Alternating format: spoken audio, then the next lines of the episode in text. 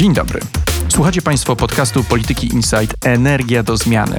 W naszej audycji opowiadamy o najważniejszych wiadomościach sektora energetycznego, omawiamy zmiany regulacyjne i najnowsze trendy technologiczne. Z naszymi gośćmi dyskutujemy o konwencjonalnych i odnawialnych źródłach energii oraz o polityce polskiej i europejskiej. Mierzymy się też z tematem zmian klimatycznych i tego, jak wpłyną one na nasze życie.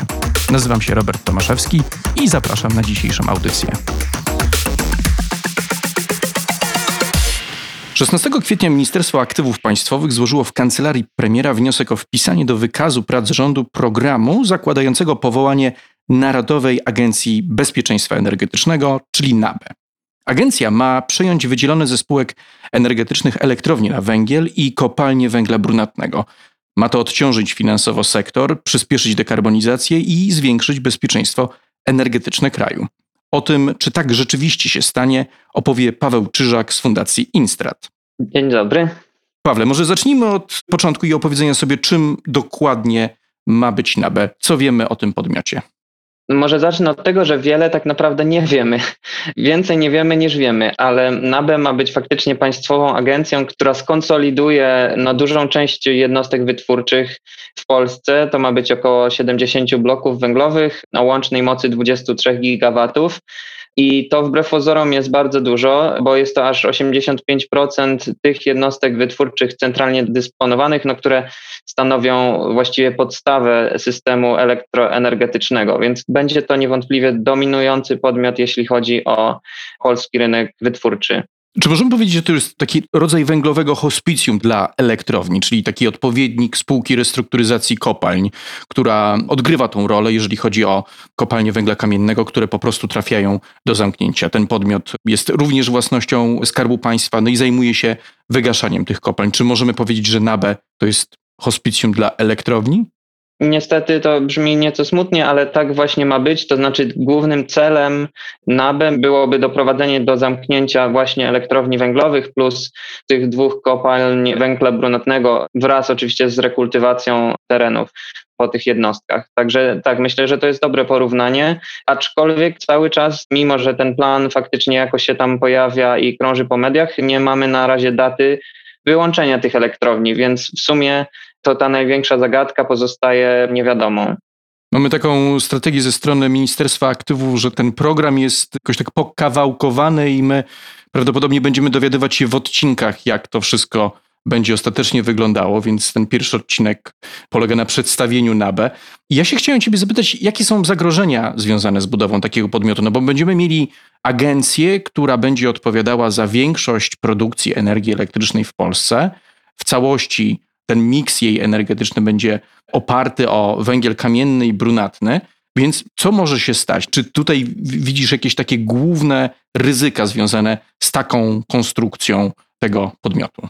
Myślę, że poruszyłeś być może największe zagrożenie, no to znaczy właśnie tworzenie podmiotu o takiej monopolowej pozycji rodzi konsekwencje związane właśnie z każdym monopolem, no, czyli zagrożenia chociażby takie, że monopol będzie zwiększał ceny energii, pogarszał jakość usług. No, tak naprawdę zaburzamy po prostu konkurencję na rynku i w związku z tym to ma wszystkie skutki takiego działania negatywne, jakie ma, czy też nawet spadek inwestycji, spadek innowacyjności. No, ten podmiot nie będzie się kierował prawami ekonomicznymi, nie będzie miał za bardzo ku temu powodu, żeby się nimi kierować. No, nie będzie miał interesów chociażby w inwestowaniu, w rozwijaniu się, w edukowaniu pracowników, no bo faktycznie no, to będzie taka umieralnia.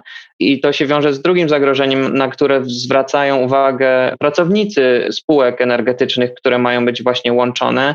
To znaczy, że ci pracownicy trafiają do tej umieralni i właściwie będą tam prawdopodobnie pracować do momentu wyłączenia danego bloku węglowego, czy też do momentu przeniesienia do innej jednostki wytwórczej, ale nie mogą liczyć na rozwój własny, prawdopodobnie na awanse, na perspektywiczne miejsce pracy, tylko to będzie miejsce pracy, które po prostu z założenia będzie znikało z czasem.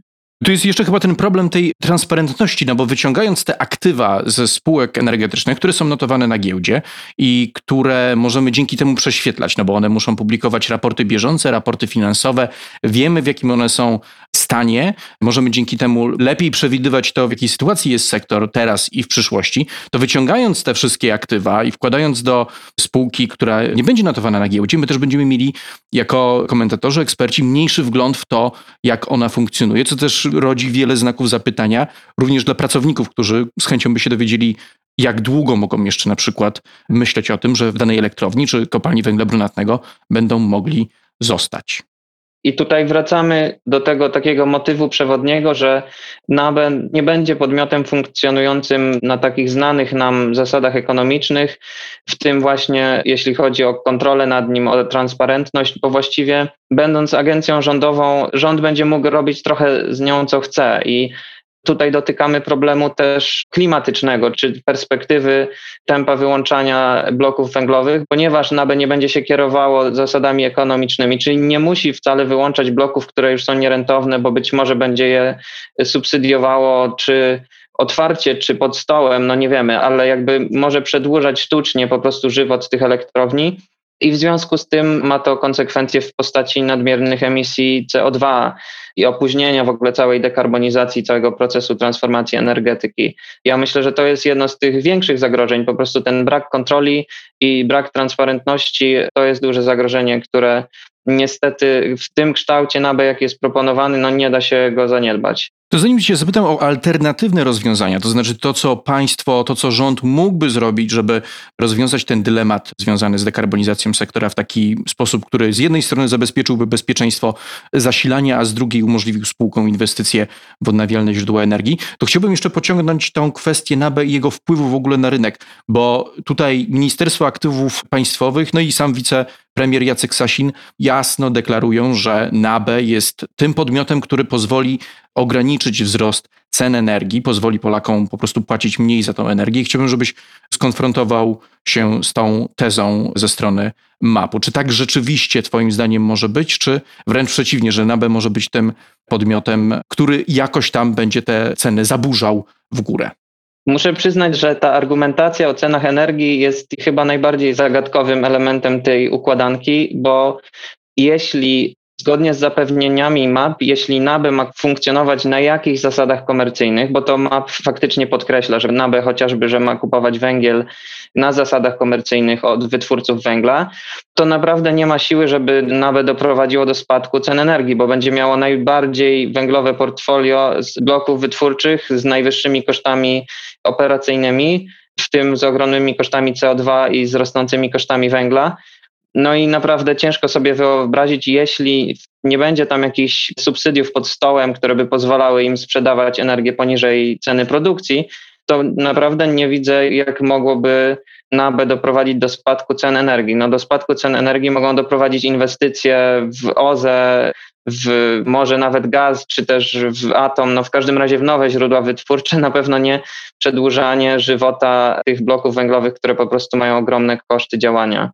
W swoim niedawnym raporcie wyliczyliście, że agencja, to znaczy NABE, wygenerowałby w okresie swojego funkcjonowania w ciągu tych najbliższych ponad dwóch dekad, bo zgodnie z takimi założeniami, które wydostały się z rządu kilka miesięcy temu, tak długo miałaby NABE funkcjonować, to te straty wyniosą ponad 30 miliardów złotych. Skąd tak gigantyczna suma się wzięła? Ta gigantyczna suma się wzięła z takiej prostej, acz karkołomnej kalkulacji, to znaczy my mamy listę wszystkich tych bloków, które w skład NABE miałyby wejść, wiemy mniej więcej ile one generują energii i ile to kosztuje w związku z tym, no i biorąc prognozy, które były włączone do tego właśnie wstępnego projektu NABE jeszcze z jesieni zeszłego roku, policzyliśmy ile będzie kosztować produkcja energii w każdym z tych bloków, po ile będą sprzedawać energię, ile mogą zarobić, czyli taki bilans przychodów i kosztów. Sumując to wszystko po tych wszystkich blokach, wyszło nam ponad 30 miliardów strat. I chcę podkreślić, że to są wyliczenia bazujące na prognozach właśnie z tego planu, to znaczy prognozach cen energii, cen CO2, wszystko to było wzięte z planu, bo nie chcieliśmy właśnie wzbudzać kontrowersji. Jakby abstrahując od tego, czy je uznajemy za sensowne, to były te założenia z planu i było też założeniem, że generacja w tych blokach węglowych będzie spadała liniowo, więc wydaje się zasadnym, prawda, założenie, że te bloki nie będą do końca swojego życia pracować z pełną mocą. I to jest ta suma, którą my będziemy musieli pokryć z naszych podatków, tak? No bo jakby sensem całej tej operacji jest to, że po prostu odpowiedzialność za bezpieczeństwo energetyczne, ale też utrzymanie tych mocy węglowych przechodzi ze spółek państwowych na skarb państwa, czyli de facto na budżet i nas wszystkich. Więc te 30 miliardów, jak rozumiem, w tych najbliższych latach będzie musiało zostać poniesione. Prawdopodobnie oczywiście w naszych rachunkach za energię albo w jakichś innych metodach dopłaty do tej agencji, bo tak naprawdę innego alternatywnego rozwiązania tutaj nie ma. W tym komunikacie mapu jest podkreślone, że NABE ma zarabiać, ma być podmiotem rynkowym. Zostanie zbudowane na bazie PGE-GIK, czyli popularnej GIEKSy i ma sprzedawać prąd, ale te ryzyka finansowe, jak rozumiem, cały czas są po stronie NABE, również dlatego, że nie znamy, w jaki sposób ten podmiot będzie subsydiowany. Czego się spodziewasz właśnie po tej stronie? Bo o ile dowiedzieliśmy się bardzo niewiele z tego komunikatu resortu, to tutaj chyba tym kluczowym elementem historii jest powiedzenie sobie, w jaki sposób państwo będzie wspierało NABE. Tego nie wiemy z tego komunikatu i szczerze mówiąc widzę tu pewną analogię do sytuacji z umową społeczną z sektorem górniczym, to znaczy tworzony jest plan, czy on jest dobry, czy niedobry, to już jest inna kwestia, ale tworzony jest dosyć szeroki i skomplikowany plan restrukturyzacji, który pomija ten kluczowy aspekt finansowy, no po prostu skąd wziąć na to pieniądze. I dokładnie to samo mamy z umową społeczną, bo tam wszystko zależy od Komisji Europejskiej tak naprawdę. I to samo mamy tutaj. Wiadomo, że ta NABE się nie utrzyma sama z siebie właśnie dlatego, że ma tak ogromne koszty, bo zresztą w tych naszych kosztach uwzględniamy też przychody z rynku mocy, prawda? To jest już i tak ogromna linia finansowania dla sektora węglowego, ale NABE się samo nie utrzyma po prostu ze sprzedaży energii, więc będzie wymagało pomocy publicznej. Szczegółów tej pomocy publicznej faktycznie nie znamy. W tej wstępnej wersji był w ogóle jeszcze dodatkowy mechanizm, tak zwany EDM, który miał tą pomoc publiczną stanowić. To było chyba łącznie 32 miliardy złotych, ale o tym na razie MAP nic nie mówi. Te kwoty są ogromne, więc to będzie wymagało naprawdę twardych negocjacji z Komisją Europejską. To, co najbardziej mnie niepokoi, że te negocjacje rozbiją się o kwestie klimatyczne, moim zdaniem. To znaczy, Polska przyjdzie do Komisji Europejskiej, powie, że chcemy właśnie te 30 miliardów na rynek wytwarzania energii elektrycznej, kolejne nie wiadomo ile miliardów na górnictwo węgla kamiennego.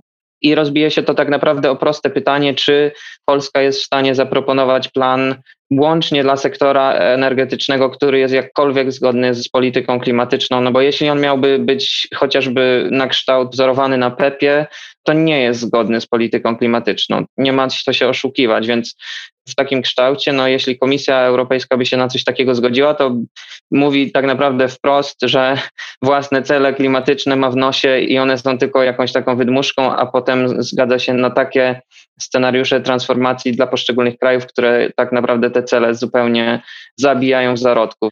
Więc ten aspekt finansowy jest zagadką i moim zdaniem będzie o niego wielka batalia i niestety myślę, że będzie też trochę taką pchał agendę, że zła Komisja Europejska nie chce nam dać pieniędzy na nasze elektrownie, na nasze kopalnie i będzie grał w tą taką nutę trochę antyunijną. Nie jest to przyjemna nuta, no nie ukrywajmy. No jest tu jeszcze ta kwestia, że MAP odpowiada jakby za ten aspekt wewnętrzny i same przekształcenie i wydzielenie aktywów węglowych, natomiast za wynegocjowanie pomocy publicznej z Brukselą odpowiada Ministerstwo Klimatu. Z przeszłych doświadczeń wiemy, że często tutaj ta koordynacja między resortami nie zawsze na najwyższym poziomie stała. No i mając też do czynienia z dwoma wielkimi projektami dotyczącymi węgla, czyli zamykaniem kopalń i konieczną pomocą publiczną na to, żeby górnicy zgodzili się na umowę społeczną i wydzieleniem aktywów węglowych z perspektywą zamknięcia tych aktywów, czyli elektrowni i kopalni węgla brunatnego, my ustawiamy się w Brukseli no, w pozycji petenta, który chce zjeść ciastko i mieć to ciastko tak naprawdę. Więc albo będziemy musieli jedno wybrać po prostu z tych opcji węglowych, albo, no to, to jest tak naprawdę wielkie pytanie, co zrobi Komisja Europejska. Ale jeżeli nie NABE, to co? Jaki byłby alternatywny plan wobec stworzenia tej agencji. Ja tutaj zajmę trochę pozycję adwokata diabła, no bo te wydzielenie aktywów jest podyktowane głównie czasem, tak? To znaczy spółki energetyczne płacą coraz większe opłaty za uprawnienia do emisji CO2. Niebawem wchodzi zreformowana taksonomia, która wyrzuci wszystkie podmioty, które w jakiś sposób są związane z węglem poza rynek finansowy. To znaczy może nie wyrzuci, ale sprawi, że pożyczanie pieniędzy będzie niesamowicie trudne dla takich podmiotów, więc ten plan daje oddech tym spółkom, to znaczy daje im możliwość i czas zbudowania tego nowego systemu energetycznego, podczas gdy my oczywiście musimy się borykać z kosztami jako podatnicy, przejmując to NABE. Jakie Twoim zdaniem inne alternatywne opcje mogłyby tutaj wchodzić w grę, jeśli NABE by nie powstało? Ja myślę, że coś musi powstać, tak jak mówisz, to znaczy sytuacja finansowa tych spółek energetycznych jest dosyć dramatyczna i nie będzie się poprawiać. To, co uważam, że jest błędem, to jest właśnie to dążenie do monopolu. To znaczy, być może lepszym rozwiązaniem, i zresztą takie rozwiązanie Instrat proponuje, jest stworzenie faktycznie jakiegoś nowego mechanizmu pomocy publicznej, który by utrzymał te elektrownie przy życiu jeszcze te parę lat, które potrzebujemy dla bezpieczeństwa energetycznego, ale niekoniecznie wiązał się z tak dramatyczną monopolizacją rynku. Ta argumentacja oczywiście, która mówi, że spółkom energetycznym jest trudno pozyskiwać środki na inwestycje z powodu swojego portfolio, ona jest słuszna i prawdziwa oczywiście, ale to nie znaczy, że gdyby spółki nie zaproponowały sensownych planów odejścia od węgla, nie dostałyby na przykład finansowania na nowe projekty. Chociażby coś takiego robi ZEPAK, prawda, w Wielkopolsce. Dosyć jasno deklaruje, jaka jest data odejścia od węgla, co robimy, kiedy. Na bazie tych deklaracji pozyskuje środki na nowe inwestycje w OZE, no i no da się to zrobić. Tutaj niestety to wygląda tak, że krążymy wokół tego całego tematu polskiego rynku energetycznego, nie podejmując najważniejszych kwestii, czyli kiedy my chcemy wyłączyć te elektrownie. No bo to jest pierwsze pytanie. Jakbyśmy na nie odpowiedzieli, to te pieniądze moim zdaniem by się znalazły. To po prostu spółki, które mają dobre strategie dekarbonizacji, te pieniądze znajdują i to nie jest jakiś ewenement w skali europejskiej.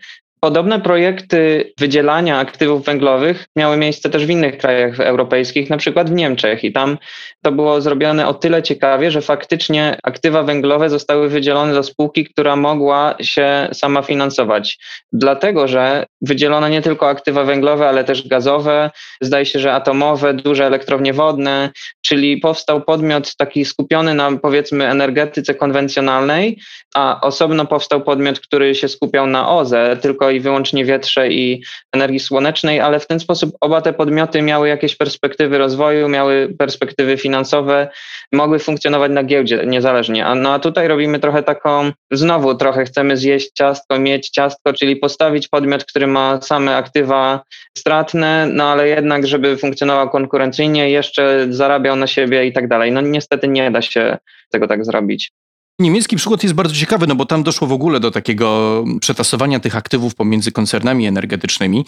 U nas też do tego przetasowania miało dojść, znaczy w postaci konsolidacji. To był ten plan, z którym żyliśmy większą część zeszłego roku. Wydawało się, że rząd idzie z tym planem na sztandarach. PG miało przejąć Tauron NE, no i nie. Wycofano się z tego tłumacząc to nieoficjalnie oczywiście oporem strony społecznej.